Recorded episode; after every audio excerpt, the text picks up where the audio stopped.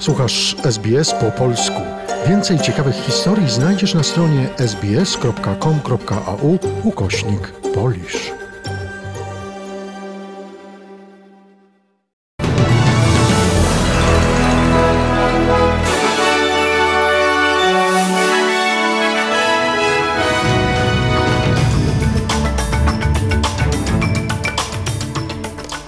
Dzień dobry, przy mikrofonie Joanna Todisko. Na wstępie skrót doniesień w środę 6 kwietnia. Prezydent Ukrainy apeluje o usunięcie Rosji z Rady Bezpieczeństwa ONZ. Polska otrzyma najnowocześniejsze czołgi amerykańskie Abrams. Służby pogotowia Nowej Południowej Walii ostrzegają przed ulewnymi deszczami na środkowym i południowym wybrzeżu stanu. A oto pełny przegląd wiadomości radia SBS. Prezydent Wołodymir Zełenski w wystąpieniu przed Radą Bezpieczeństwa ONZ zaapelował o postawienie Rosji przed Trybunałem Międzynarodowym za ludobójstwo i przypomniał także zbrodnicze działania Rosjan w Gruzji, Syrii oraz okupację Krymu i Donbasu. Podkreślił, że powinno nastąpić usunięcie Rosji z Rady Bezpieczeństwa. Потрібно негайно реформувати систему ООН таким чином, щоб право вето не було правом смерті, щоб була справедлива. Należy niezwłocznie reformować system ONZ, tak aby prawo weta nie było prawem śmierci, tak aby wszystkie regiony świata miały swoją reprezentację w Radzie Bezpieczeństwa. Należy niezwłocznie zmusić agresora do pokoju. Potrzebne jest zdecydowanie. Światowe środki przekazu pokazują dowody zbrodni w Buczy, Irpieniu i Hostomelu, w miastach, z których wycofali się żołnierze rosyjscy. O szczegółach dla informacyjnej agencji radiowej Wojciech Cegielski. Według informacji miejscowych władz, dziennikarzy oraz świadków, rosyjscy żołnierze dokonywali na ukraińskich cywilach zbiorowych egzekucji. Gwałcili i torturowali też kobiety, a nawet dziesięcioletnie dzieci. Zwłoki zostawiali na ulicach. Na ciałach widzimy rany postrzałowe. Eksperci badają te ciała, ale wiele wskazuje na to, że ci ludzie, którzy tu mieszkali, zostali najpierw zabici, potem ich ciała tu przywleczono i usiłowano spalić. Mówi szef miejscowej policji Andrzej Niebytow. Ukraińska prokuratura twierdzi, że znaleziono już ponad 400 ciał cywilów, ale ta liczba stale rośnie. Zbrodnie wojenne odkryto też w pobliskiej Borodiance. Większość budynków jest tam zniszczona. Rosyjscy żołnierze mieli nie tylko zabijać cywilów, ale plądrować sklepy i kraść dobytek z mieszkań. Do Rosjan zwrócił się premier Wielkiej Brytanii Boris Johnson w przesłaniu wideo, które zamieścił w mediach społecznościowych, mówiąc kilka zdań po rosyjsku. Wasz prezydent obwinia się w zawieszeniu wojny Masakry na cywilach, gwałty, palenie ciał, masowe groby, zwłoki leżące na ulicach. Premier przedstawia katalog czynów, o jakie oskarżani są rosyjscy najeźdźcy. No, ja nie wierzę, że on dziesfuje nie wierzę, że Władimir Putin działa w waszym imieniu, mówi Boris Johnson. Wyraża przekonanie, że prezydent zdaje sobie sprawę, że gdyby zwykli Rosjanie wiedzieli, co się dzieje, to nie popieraliby wojny. Boris Johnson zachęca więc mieszkańców Rosji do korzystania z VPN-ów, czyli wirtualnych sieci pozwalających na omijanie blokad internetowych. Gdy odkryjecie prawdę, roześlijcie ją dalej, zachęca premier. Tyle, że część mediów społecznościowych, w tym Twitter i Facebook, jest obecnie w Rosji zablokowanych. To ogranicza grono osób, do których dzisiejsze nagranie dotrze. Adam Dąbrowski, Londyn. Stany Zjednoczone, Wielka Brytania i Australia zobowiązały się do współdziałania przy opracowaniu arsenału hipersonicznego. Z Waszyngtonu dla informacyjnej agencji radiowej Marek Wałkuski. We wspólnym oświadczeniu przywódcy Stanów Zjednoczonych, Wielkiej Brytanii i Australii poinformowali o rozpoczęciu trójstronnej współpracy w zakresie broni hipersonicznej, systemów antyhipersonicznych, a także zdolności do prowadzenia wojny elektronicznej. Opublikowany przez Biały Dom komunikat mówi także o pogłębieniu współpracy w zakresie innowacji militarnych, sztucznej inteligencji, technologii kwantowych, a także okrętów podwodnych.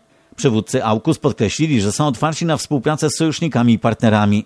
Stany Zjednoczone, Wielka Brytania i Australia ogłosiły trójstronne partnerstwo bezpieczeństwa AUKUS we wrześniu ubiegłego roku. Dotyczy ono przede wszystkim współpracy w regionie Indo-Pacyfiku. Jest uznawane za próbę zrównoważenia potęgi militarnej Chin i rosnącego wpływu tego kraju w regionie. Z Waszyngtonu Marek Wałkuski. Australia, odpowiadając na apel prezydenta Wołodymira Zełańskiego na posiedzeniu parlamentu w Canberrze, przygotowała do przekazania Ukrainie używane wcześniej przez wojsko pojazdy transportowe, odnowione i z emblematami flagi ukraińskiej. Ponadto przesłana zostanie żywność i leki.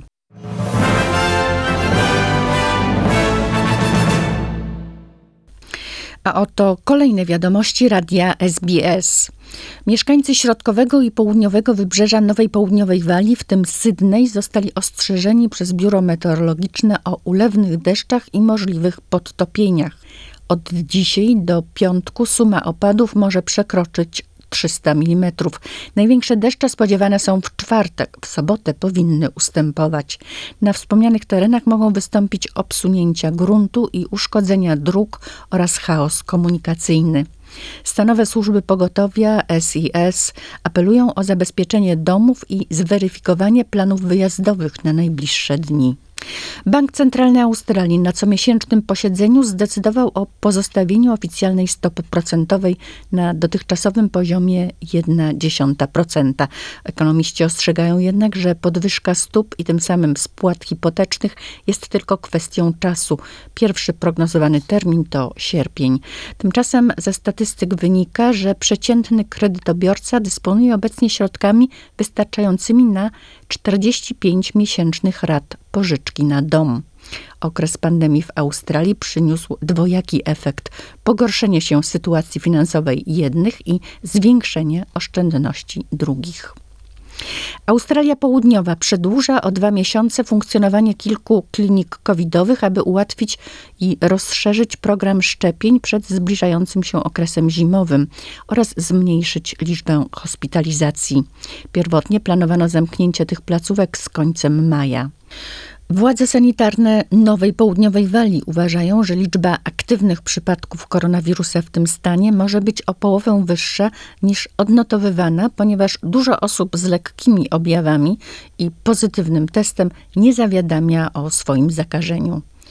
W Queensland od 14 kwietnia nie będzie już wymagany dowód podwójnego szczepienia na COVID-19 przy wejściu do pubu, restauracji czy kawiarni, ani do innych miejsc użyteczności publicznej jak kina, galerie czy stadiony. Tasmania wkrótce będzie miała nowego premiera. 57-letni Peter Gatwain po dwóch latach w tej roli poinformował, że odchodzi z polityki, nie będąc już w stanie dać jej z siebie 110%. Liberalna Partia Tasmanii wybierze nowego przywódcę, który zostanie szefem rządu. Premier Scott Morrison z uznaniem wypowiedział się o pracy premiera Gatwaina, podkreślając, że jego rząd przez lata pandemii bez uszczerbku przeprowadził gospodarkę stanową, a Tasmania odnotowuje obecnie rekordowo wysokie zatrudnienie.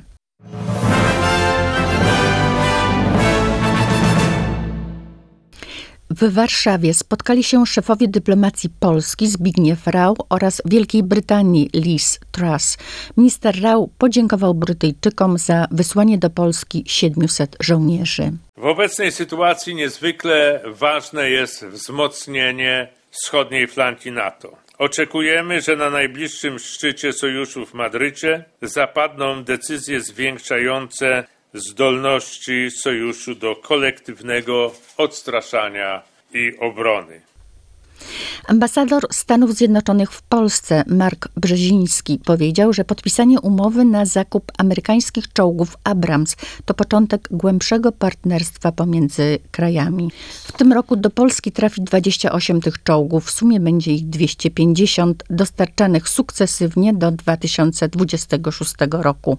Ambasador mówił po ceremonii na poligonie w warszawskiej Wesołej pozyskując 250 czołgów M1A2 Abrams w najnowszej konfiguracji amerykańskiej, Polska będzie dysponowała potenzja siła. Jest to jednak coś więcej niż tylko umowa. Jest to początek głębszego partnerstwa pomiędzy polskimi wojskami lądowymi i amerykańskimi siłami lądowymi. Unia Europejska dyskutuje o dalszym zaostrzeniu sankcji wobec Rosji.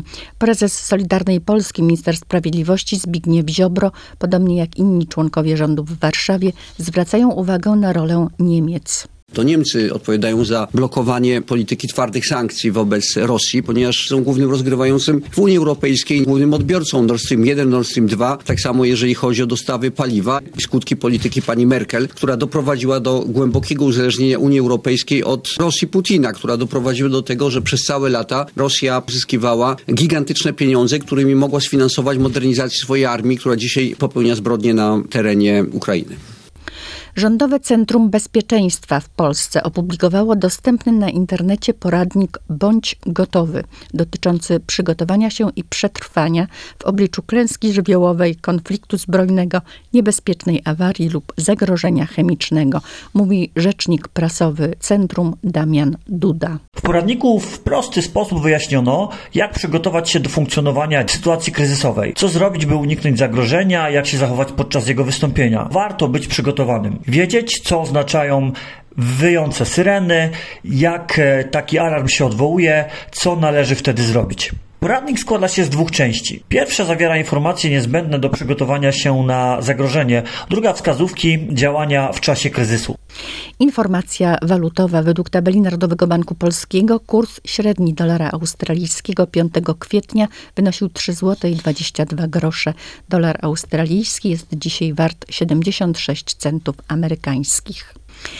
Pogoda na czwartek w australijskich stolicach stanowych. Adelaida temperatura maksymalna 24 stopnie Celsjusza, okresy zachmurzenia. Brisbane 28 stopni deszczowo. Canberra obfite opady deszczu 17 stopni Celsjusza. Darwin 34, raczej pogodnie, Hobart słonecznie 20 stopni, Melbourne zachmurzenie umiarkowane, maksymalnie 24 stopnie, Perth 32 słonecznie, Sydney temperatura maksymalna 22 stopnie Celsjusza, ulewne deszcze z możliwością wystąpienia burzy. W Polsce w czwartek wietrznie i w wielu regionach mokro, ale ciepło, maksymalnie do 15 stopni Celsjusza. Pod koniec tygodnia spodziewane jest kolejne znaczne ochłodzenie, a lokalnie także powrót opadów śniegu oraz śniegu z deszczem.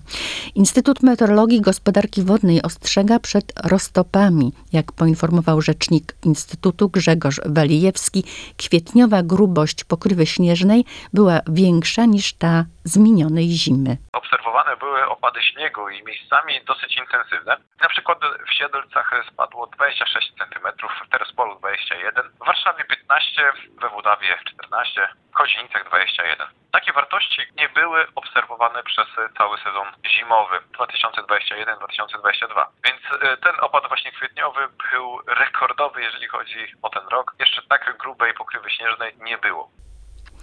Przegląd wiadomości radia SBS przygotowała Joanna Todisko.